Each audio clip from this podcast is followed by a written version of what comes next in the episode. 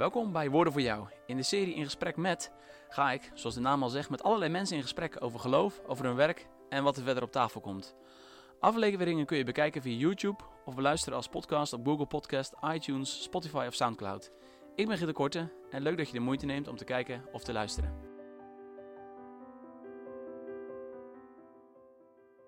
Voor deze aflevering van In Gesprek met ben ik naar Zettergenbos gereisd. In Zettergenbos staat een prachtige, eeuwenoude kathedraal, die ook nu nog steeds de moeite waard is om te bezoeken. Als je binnen in de kathedraal bent, dan zie je daar prachtige gebrandschilderde ramen, die op dit moment wel gerestaureerd worden, met allerlei voorstellingen. Daarnaast wordt ook de toren op dit moment uh, opnieuw ja, gerepareerd. Nou, als je voor de kerk staat en je draait iets naar links, dan staat daar een rijksmonument. En dat is het Bisschoppelijk Paleis. En daar huist de bisschop van de kathedraal, bisschop G. de Korte. En vandaag heb ik een gesprek met hem. En ja, we hebben dezelfde naam, allebei theoloog, dus dat maakt het een bijzonder boeiend gesprek. Goedendag, bisschop de Korte. Heel erg leuk dat u ja, tijd heeft vrijgemaakt om met mij in uh, gesprek te gaan. Kunt u misschien iets meer vertellen over uzelf? Want ik denk dat de meeste van mijn eh, kijkers en luisteraars u niet uh, heel goed kennen. Nou, ik ben op dit moment de bisschop van Zettergenbos. Uh, al vier jaar, sinds 2016. 65 jaar oud. geboren in Vianen, dus in 1955. na mijn middelbare school ben ik eerst geschiedenis gaan studeren. En als historicus ook theologie. Um, en dan ben ik in 1987 priester gewijd. Um, mooie functies gehad, altijd vind ik zelf als rector van de priesteropleiding, pastor van de kathedraal in Utrecht, later deken, 2001 hullebisschop geworden van Kanaal Simonus, 2008 de bisschop van Groningen Leeuwarden, het Hoge Noorden en uh, in 2016 door Paus Franciscus benoemd hier in, uh, in, Oké, en van al die verschillende functies die u gehad heeft, wat zou je zeggen, is het de mooiste van? Uh... Ja, nou, ik moet zeggen, ik ben een bevoorrecht mens wat dat betreft. Ik heb ze allemaal wel gevonden. Maar ik vond eigenlijk die Utrechtse uh, tijd, dus dat was een combinatie van rector zijn van de priesteropleiding en pastor van de Catharine-kathedraal, uh, eigenlijk een hele mooie. Dus, dus, dat je jonge mensen mag opleiden om priester te worden in de kerk en tegelijkertijd ook pastor kunt zijn in het centrum van een, van een grote stad. Ja, mooi. Ja. U heeft toch gestudeerd in, in Utrecht? Alles in Utrecht. Wat ja, heeft u daar allemaal meegenomen vanuit die studietijd? Nou, de geschiedenisstudie is voor mij heel belangrijk geweest, ook voor mijn geloofsontwikkeling. Ik ben uh, dus van 1955, heb ik al gezegd. En dat betekent dus de nadagen van het Rijkeromse leven heb ik nog meegemaakt. Uh, dat betekent bijvoorbeeld uh, de schoolmis. Voordat ik naar, naar, naar school ging, hadden wij nog een Eucharistieviering in de kerk. Dus redelijk degelijk katholiek opgevoed, met, met veel aandacht voor gebed en voor kerkgang. Um, um, ik was ook graag in de kerk. Ik was een religieus kind. Uh, toen al pastoortje gespeeld. Um, dat was, um, zoals er ook protestantse jongens zijn die, die dominee spelen, heb ik wel begrepen. Ja. Ja. Maar daarna wil ik, wil, ik, wil, ik ook heel snel uh, geschiedenisleraar worden. Dus ik had heel vroeg, al mijn twaalfde, interesse in politiek en in geschiedenis. En wilde weten hoe, dat, hoe, hoe mensen vroeger geleefd hadden. Dus ik ben na mijn middelbare school geschiedenis gaan studeren. En die geschiedenisstudie heeft een grote rol gespeeld in, uh, eigenlijk ook in mijn geloofsleven. Omdat door de geschiedenis kwamen er grote, uh, de grote vragen op mijn pad. Wat is de zin van de geschiedenis? Wat is de zin van mijn eigen leven? er zijn al zoveel generaties voor ons. Uh, ik hoor ook tot een bepaalde generatie. Ik mag hier langer of korter leven. Uh, maar wat is de zin daarvan? Uh, het lijden in de geschiedenis, de doodsvraag, die natuurlijk door de geschiedenis ook gesteld wordt. En ik merkte dat ik niet alleen geschiedenisboeken ging lezen, maar ook filosofie en ook theologie. En ik ben ook de Bijbel uh, gaan lezen. Dat is voor een gemiddelde katholiek helemaal niet vanzelfsprekend. De Bijbel wordt in de kerk gehoord. Uh, um, en ik ben toen erg geboeid geraakt door de brieven van de apostel Paulus. Ook door het Johannes-evangelie. Um, ik was natuurlijk opgevoed in het geloof in Jezus. En Jezus was voor mij een, een hele nabije figuur. Maar door, door de, de, de, de studie van, van de Bijbel werd Christus uh, een, een, heel belangrijke uh, centrale figuur in mijn leven. En toen kwam eigenlijk de gedachte: zou ik in plaats van geschiedenisdocent uh, geen, geen priester moeten worden? Ah, in de kerk moeten gaan werken. dus ik, ik werd ook actief in de prochie. praktijk en theorie gingen samen op. Zo. Eh, dus dus ik, ik werkte wat, wat, wat een pastoor deed. En het, het mooie van een, het priesterschap, eh, heel wisselend trouwens, hè, want je bent dan bezig met een, met een uitvaart en de volgende uur heb je een bijbelgroep. En dan moet je weer een doopje voorbereiden, dus dat loopt door elkaar heen allemaal ook. Uh, dus ook, ook gewoon, gewoon een mooie, mooie taak. En dat heb ik dus gedaan, dus ik heb mijn gezinnenstudie af kunnen ronden. En ben daarna doorgegaan als uh, theologiestudent, als priesterstudent. En wat ik zei, in 1987 uh, priester geworden. Ja, ja. En er zijn ook mensen die juist hun geloof verliezen door een geschiedenisopleiding. Uh, is, zijn die vragen voor u nooit zo intens? Of tenminste, hoe heeft u dat beleefd? Is dat echt... Nou, heb ik eigenlijk nooit zo gekend. Je hoorde trouwens wel van de theologieopleiding. Niet zozeer van de geschiedenis als wel van de theologie. Uh, dat dat, dat uh, wordt natuurlijk door de theologie wel bepaald bij hele fundamentele vragen over de wording van de schrift en, en dat soort zaken. Maar ik heb eigenlijk gelukkig misschien ook wel um, geen grote geloofscrisis gekend. Andere mensen zeggen ja, juist in een geloofscrisis kun je als je er goed doorheen komt, kun je er ook rijker uitkomen. Maar voor mij is het vooral toch een geleidelijk proces geweest van, uh, van geloofsverdieping. Oh ja, mooi. Ja. Want u heeft ook theologie gestudeerd in uh, Utrecht. Ook in Utrecht. Daar ontmoet u met heel veel uh, verschillende mensen uit allerlei richtingen. Hoe heeft u dat ervaren? Ja, ik praat dus nu over de jaren tachtig. En de, de, daar was de katholieke theologische universiteit. Maar tegelijkertijd zat hetzelfde gebouw. Zat ook de grote faculteit, de Rijksfaculteit, die sterk orthodox van kleur was. Er waren heel veel gereformeerde bronsstudenten, werden daar eh, opgeleid om predikant te worden. Er waren ook eh, heel veel mensen die eh, met Karel Baart iets hadden. Um, dus voor mij was dat een heel interessante wereld om als Rooms-Katholiek ook in contact te komen met, met protestantse studenten. En wij hadden vaak ook in de lunch gewoon geloofsgesprekken met elkaar. En nou, zij vroegen, ja, wat, wat, wat vindt de katholieke kerk ervan? En ik kon dan ook maar weer in hun uh, theologie uh, verder verrijken. Dus wat dat betreft was het een hele ecumenische sfeer. En um, ik heb er ook wel grote, uh, grote interesse gekregen, ook in de protestantse theologie. Oh ja, en is het ook echt gekomen door die gesprekken dat u die interesse ook... nou, dat was eigenlijk toch al eerder. Ik had in mijn geboorteplaats in Vianen, dus was ik al als tiener lid van een ecumenische studentengroep, bijbelgroep van okay. een ecumenische bijbelgroep. Dus wat dat betreft um, was dat al heel vroeg. Ik, op een of andere manier die, die openheid naar andere vormen van christendom heb ik al heel vroeg ontwikkeld. En, um, en als geschiedenisstudent was ik ook al lid van die bijbelgroep. Maar um, de theologie uh, heeft het natuurlijk theoretisch allemaal uh, verder verdiept. Ja, dus ook de bagage en de achtergronden daarbij uh, gegeven. Zeg maar. ja. Zeker, ja. zeker, ja. Mooi. Ja. En dat heeft u vervolgens ook meegenomen volgens mij in de rest van uw leven. Die ervaring van dat uh, ecumenische. Met uh, gesprek ook met andersdenkenden. Zeker. Ik mocht, uh, toen ik priester werd in 87, kreeg ik dus een benoeming als pastor van de kathedraal. Maar kardinaal Simonis gaf mij ook ruimte om te promoveren. En ik had tijdens mijn geschiedenisstudie had ik veel werk gemaakt van de studie van Karel Baart. Met name het, het probleem van het kwaad, zoals Karel Baart dat in de kirchliche dogmatiek beschrijft. En uh, toen kwam ik op het spoor van Eduard Thurnhuizen. Een, een, vriend van Karl Baart. Uh, ze beide hoogleraar in Basel. Uiteindelijk ging mijn proefschrift dus over, over de theologie van het woord. Met de specifiek uh, van, van Eduard Thurnhuizen. en uiteindelijk is dat proefschrift gaan heten Pastoraat van de Verzoening. Dus voor Thurnhuizen, praktisch theoloog, staat heel het, het pastoraat in het teken van het verzoeningswerk dat God in Christus verricht heeft. En Um, en geeft dat ook een vreugdevolle kleur. Want alles wat, wat in de kerk gebeurt, uh, vindt plaats op basis van het uh, gerealiseerde werk van, uh, van, van God in Christus op het kruis. En, um, dus, dus krijgt zeg maar, het hele pastoraat de, de, de vorm ook van de verzoening proclameren. Ja, ja, mooi.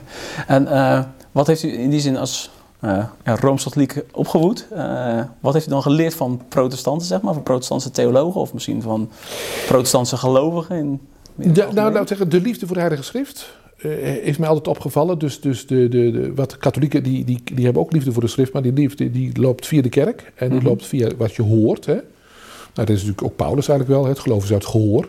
Um, trouwens, heel veel mensen konden in de oudheid geen eens lezen, dus moesten het gewoon van, van horen hebben.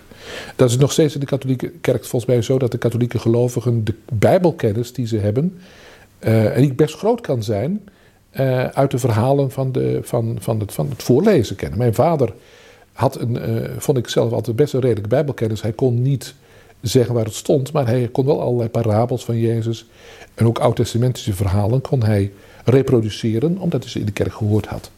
Uh, maar de liefde om, voor de schrift, om zelf de Bijbel te lezen, heb ik natuurlijk um, uh, gewaardeerd in de Reformatie. En wat ik altijd ook zeg, wat ik mooi vind in de Reformatie, is de liedcultuur. Dus een enorme rijke liedcultuur. Uh, het liedboek van de kerk, het oude liedboek, met de grote dichters van na de oorlog, hè, Ad Beste, uh, Guillaume van der Graft, uh, Schulte Nordholt. Nou, die, die, die, die, mooie bijbelliederen, die hebben mij ook wel, uh, wel ook gelovig gevoed. Ja, gevormd ook, ja. ja. Mooi. Ja, want ik, ik las vorige week een column van u inderdaad, waar u zelfs ook een lied citeert volgens mij, van Maarten Luther. Dus dat... Ja, nee, dat, dat klopt. Ik, dat, midden in de dood, uh, of midden in het leven, hè, zijn we door de dood omgeven. En omgekeerd, midden ja. in, in de dood zijn we door het leven omgeven. Ja. Dat is volgens mij inderdaad een, een tekst die van Luther komt. Ja, ja, mooi. En wat zouden andersom, uh, wat zouden protestanten, ja, misschien lastig voor u om als Rooms-Katholiek, maar wat zouden wij kunnen leren van de uh, ja, ik denk toch de, de, de sacramentele dimensie van het leven. Dus, dus um, uh, wij zeggen altijd, uh, Eucharistie is woord en sacrament. Um, dus dat, dat, dat, dat Christus ons niet alleen wil ontmoeten door de woordverkondiging, maar ook door het vieren van, van het avondmaal. om het in protestant te zeggen, het vieren van de Eucharistie. Ik heb de indruk dat dat eigenlijk, dat protestanten elkaar of zichzelf tekort doen door zo weinig het avondmaal te vieren. Ja. dus, dus wat ik altijd begrepen heb, in, in orthodoxe gemeenten maar vier keer per jaar of zo. Nou, de gemiddelde protestantse gemeente tien keer per jaar. Um, er zijn maar enkele protestantse kerken waar het elke week is. Hè? Dus is bijvoorbeeld de Domkerk in Utrecht, weet ik.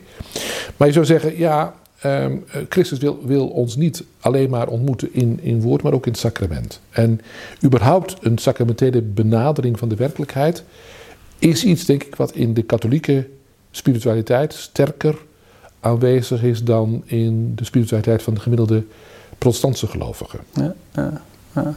Nou, wat ik zelf wat opvallend vind is dat iemand als uh, Calvijn inderdaad, die was echt voorstander inderdaad van wekelijks het avondmaal vieren. Zeker, ja. En, uh, ze zeggen wel eens, de, de, de, de, de gemeenteraad, de burgerlijke gemeenteraad van Genève, die wilde dat niet. Je zou zeggen, met een knipoog, het is bijna een klein stukje secularisatie. Ja. Uh, want Calvijn wilde inderdaad gewoon op de zondag, op de dag van de opstanding, zoals het trouwens ook beschreven staat in de handelingen van de apostelen, hè, van ze kwamen samen voor gebed, uh, maar ook voor het breken van het brood. Dus, dus hij zegt van, ja, op de dag, juist op de dag van de opstanding is het goed om de Heer te ontmoeten in woord en sacrament. En sacrament, ja. Ja, ja. ja mooie, mooie rijke gedachte inderdaad. Uh, en ik, ik, vraag me dan al af, hoe zou je dat zeg maar, van elkaar kunnen leren? Is dat alleen door ontmoetingen, zeg maar? Of ziet u daar ook andere mogelijkheden voor? Dat juist zeg maar, die punten en dat gesprek daarover ook? Ja, ik denk dat, dat de ecumenische beweging, die natuurlijk in de, in de Wereldkerk al zo'n zo'n eeuw bestaat, maar eigenlijk in de Rooms-Katholieke Kerk pas goed doorgebroken is na het Tweede Vaticaans Concilie. Dan praten we over 1962, 1965, dus zo'n 60 jaar geleden. Uh, dan zie je dat de katholieke kerk voluit mee gaat doen in de ecumenische beweging. Dat dat uh, enorm uh, verrijkend kan zijn. Dus dat katholieke theologen en protestantse theologen, theologen kan ontmoeten.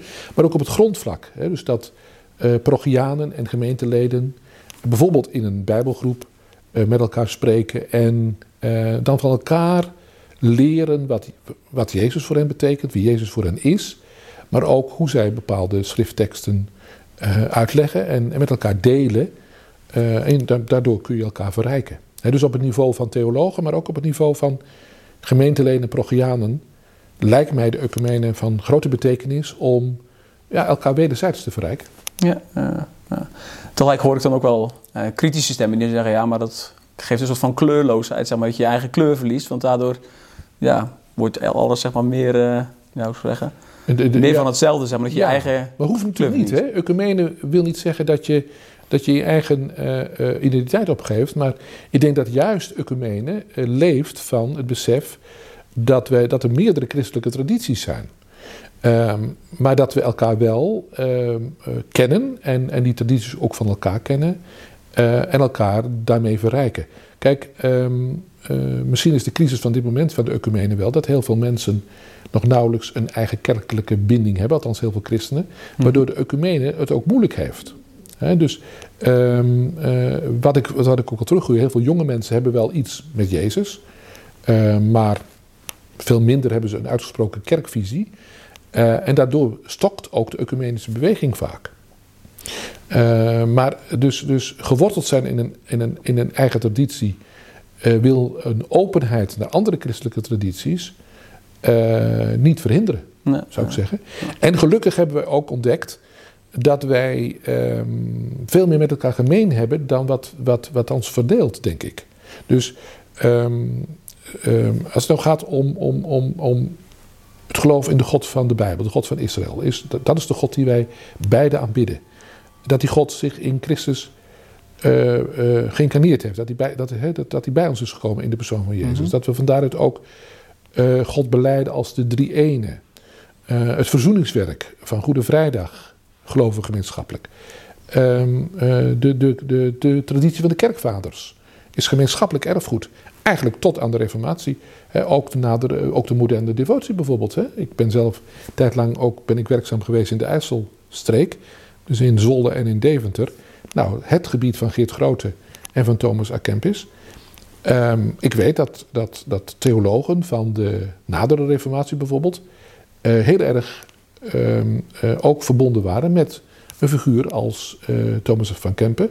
Hè, met de Imitatio Christi. En in die zin hebben wij, denk ik, wat oude fronten verlaten en, en beseffen dat we heel veel gemeenschappelijk erfgoed hebben. Ja, ja. En is het dan in deze tijd juist uh, goed ook om die gemeenschappelijkheid ook te benadrukken? Of zeggen van, nou ja, maar je moet ook wel dan uh, die verschillen soms ook uitspre uitspreken of met elkaar bespreken? Of is het allebei... Er blijven, er blijven verschillen. Er zijn nog grote theologische verschillen op het terrein, denk ik, van kerk, ambt en sacrament. Dat hele cluster, daar hebben wij denk ik nog uh, verschillen. Uh, maar niet bijvoorbeeld rond de rechtvaardigingsleer. Althans, als het gaat om de wereldkerk. Uh, Rome heeft met, met, met, uh, met, de, met de Lutherse Wereldbond in 1999 gezegd, een verklaring van Augsburg, dat de rechtvaardigingsleer is niet meer kerkscheidend.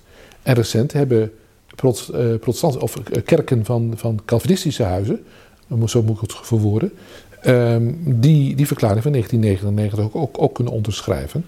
Dus we zien dat uh, allerlei, allerlei um, verschillen van de, van de 16e eeuw in de ecumenische beweging ook geleidelijk aan, aan het wegebben zijn. En dat we, um, dat vind ik alleen maar mooi. En, en, en, en uh, dat we elkaar ook, ook gewoon broeders en zusters in Christus noemen. En niet meer papen en ketters bijvoorbeeld. Hè? Uh, ze zeggen wel eens ja. Wat we nou zien gebeuren in, in de moslimwereld. Dat is eigenlijk een soort islamitische burgeroorlog. Hè? Want Soenieten en Shiiten hebben veel meer gemeenschappelijk dan, uh, dan ze zelf vaak willen toegeven. Uh, dus ik zou zeggen van ik, ik gun niet alleen de islam een verlichting, wat, wat wordt door seculiere mensen wordt vaak gezegd, maar ik zou ze ook een ecumenische beweging gunnen, dat ze zouden ontdekken dat, uh, dat, dat ze veel dichter bij elkaar zijn en dat die burgeroorlog die nu plaatsvindt in de islamitische wereld. Um, want 95% van de slachtoffers van, van moslimterreur zijn moslims. Hè? Dus af en toe ja. doen wij mee in de westerse wereld. En recent hebben we dat nog helaas in Frankrijk meegemaakt.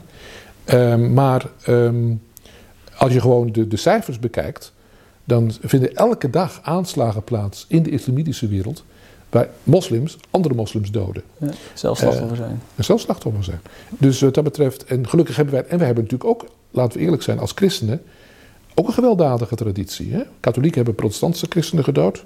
Protestanten hebben katholieke christenen gedood in de 16e eeuw. Uh, we hebben elkaar genegeerd, we hebben elkaar gehaat. Uh, we hebben slecht over elkaar gesproken. Ehm, nou, ik zie de vrucht hè, van, van, de, van de ecumene is dat we dat in ieder geval niet doen. En elkaar ook proberen te begrijpen. En met elkaar in gesprek zijn. En gaan ontdekken. En dat heb ik ook mogen ontdekken ten opzichte van heel veel protestantse gelovigen. Dat we eigenlijk dezelfde Christus willen dienen. Uh, en met dezelfde God verbonden willen zijn. Ja. En ziet u dat dan ook in um, die verbondenheid die u dan ervaart, zeg maar, juist als het gaat om de, de kernpunten van het christelijk geloof? Ja. Um, betekent ook dat je dan ook institutioneel één moet worden? Of is dat dan, je zegt van nou, we, het gesprek is een. Ja, laten we daarmee beginnen inderdaad en het daar voorlopig maar even bij houden. Ik denk niet dat ik dat zo mee zou maken, de institutionele eenheid. Maar de Wereldraad van Kerken in 1948 en ook de katholieke kerk hebben altijd gezegd... uiteindelijk is de punt op de horizon natuurlijk toch die institutionele eenheid. Dat we, dat we ja, gehoor geven aan het gebed van Jezus in het Johannes-evangelie. Dat, dat, dat zij allen, al zijn vrienden, al zijn volgelingen, dat wij één zijn. En dat het ook zich op een institutionele manier zich uit. Maar ja, goed, wat natuurlijk ehm, in zoveel eeuwen uit elkaar gegroeid is, krijg je ook niet zo gemakkelijk bij elkaar. Want er, er is naast de theologische verschillen, is er natuurlijk vaak ook wat ik maar noem, uh, zijn er de nestgeurverschillen. En die zijn misschien nog wel belangrijker dan, uh, dan de theologische verschillen als het gaat om het grondvlak. Ja, dus de, met een knipoog, hoe, hoe hard speelt het orgel?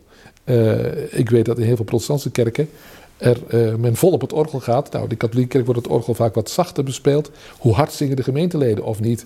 En praten we over Christus of over Christus? Zeggen we ons lieve Heer of de Heere God? Dat zijn allemaal verschillen die horen bij onze progianen en bij onze gemeenteleden. En die maken vaak de onderlinge ontmoeting lastiger. Dus als, als een katholiek uh, iemand uh, Christus hoort zeggen, dan werkt dat ook vervreemdend. Dan is er een zekere afstand van, ja, die is toch echt, dat is echt een protestantse gelovige. En omgekeerd denk ik zal het ook zo zijn als een katholiek over onze lieve Heer praat, dat dat typisch als Rooms-Katholiek wordt gezien. Ja, en dat schept ja. ook dan een stukje afstand. Hè? Ja. Dus we hebben ook we hebben subcultuurverschillen in taal, in, in, in vormen van liturgie. Um, en die, die maken, denk ik, de, de, de, de werkelijke ontmoeting ook in de praktijk wat lastiger. Ja, ja. En dan, ja, dan is eigenlijk de enige oplossing is dan wel die ontmoeting om elkaars uh, nieren te proeven. Dan, elkaar kennen en, en, en, en, en, en um, uh, beelden van elkaar te, uh, te vergruizen, zou ik bijna zeggen. Hè? Want we hebben altijd de neiging om te zeggen: ja, maar protestanten vinden dit of katholieken vinden dat. en dat zijn vaak, um, ja, eigenlijk parodieën van de werkelijkheid, zou ik bijna zeggen. Hè? Dus er zijn bepaalde, bepaalde beelden die, die, die, die, die vastgezet zijn, ja. wederzijds. En die uh, de, het begrip van elkaar niet bevorderen, in tegendeel alleen maar tegengaan. Ja, uh, ja. Zijn er ook hier in Zettergenbos concrete initiatieven daarvoor, om, om, die ontmoeting mogelijk ja, te maken? Ja, zeker. We hebben hier in de stad een beraad van kerken, zoals het heet. En um, persoonlijk heb ik goede contacten met de wat dan heet de Grote Kerk. Hè? Dus de, de Sint-Jan ja. uh, is, is eigenlijk de Grote Kerk, zou ik bijna zeggen. als het gaat om de omvang. Ja. Maar er is ook een protestantse kerk, die heet de Grote Kerk. Staat op 100 meter van de Sint-Jan vandaan. En we hebben hele goede banden. Uh, zowel de, het pastoraal team van de kathedraal als de predikanten van de Grote Kerk. Dat is een PKN-kerk. Ja. Maar ik heb ook regelmatig contact met, uh, met, met andere uh, predikanten die te maken hebben met, uh, met het beraad van kerken. Ik heb ook lezingen, geef ik. Ik word natuurlijk als bischop ook gevraagd om regelmatig in protestantse kerken iets te zeggen over de verhouding Rome-Reformatie. Uh, ook bij de kleine protestantse kerken. Ehm, Christel gereformeerd, Nederlands gereformeerd, vrijgemaakt. dus met die kerken, dus zeg maar even rechts van de PKN. Mm -hmm. daar zijn ook ecumenische openheid is daar gegroeid. Um, en daar ben ik alleen maar dankbaar voor. Ja, ja. Mooi. En, en op dat grondvlak, zeg maar, met de gelovigen onderling, is, is, zijn daar ook initiatieven? Want ik weet zelf bijvoorbeeld, uh, ik zou in mijn, uh, mijn stad zou ik echt niet weten inderdaad. Ja, ik weet waar de kerk staat, ik weet waar de katholieke kerk staat dan, maar, ja. uh, of de Rooms-Katholieke kerk. Maar... Nou, maar ik denk dat, dat bijna in alle plekken waar een katholieke kerk is en een PKN-gemeente, dat daar ecumenische banden zijn ontstaan. Oh, ja. Dus kijk, de, de, de eerste partner van de Rooms-Katholieke kerk is dan toch de PKN. Uh, en, daar zie je ook dat er bijvoorbeeld ecumenische vieringen worden georganiseerd of uh, ecumenische concerten of, of, lezingen, waarbij Rooms-Katholieke gelovigen en Protestantse gelovigen naar een spreker komen luisteren. En uh, ik praat even over de, de pre-coronatijd, zal ik maar zeggen. En hopelijk in de post-coronatijd gaat dat ook weer gebeuren. Dus je elkaar dan echt ontmoet.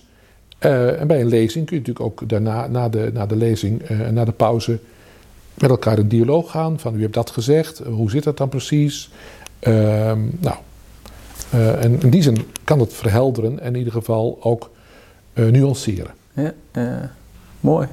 Ja, ik denk dat het heel goed is inderdaad om dit gesprek te hebben. Zoals we nu een gesprek hebben inderdaad. Maar dat ja. natuurlijk veel meer mensen dat, dat kunnen, kunnen doen inderdaad. Zeker. Nou, bedankt voor deze allereerste aflevering. Graag gedaan. En, ik heb nog een paar vragen, maar die hoop ik dan in de volgende afleveringen te stellen. Prima. U bent welkom.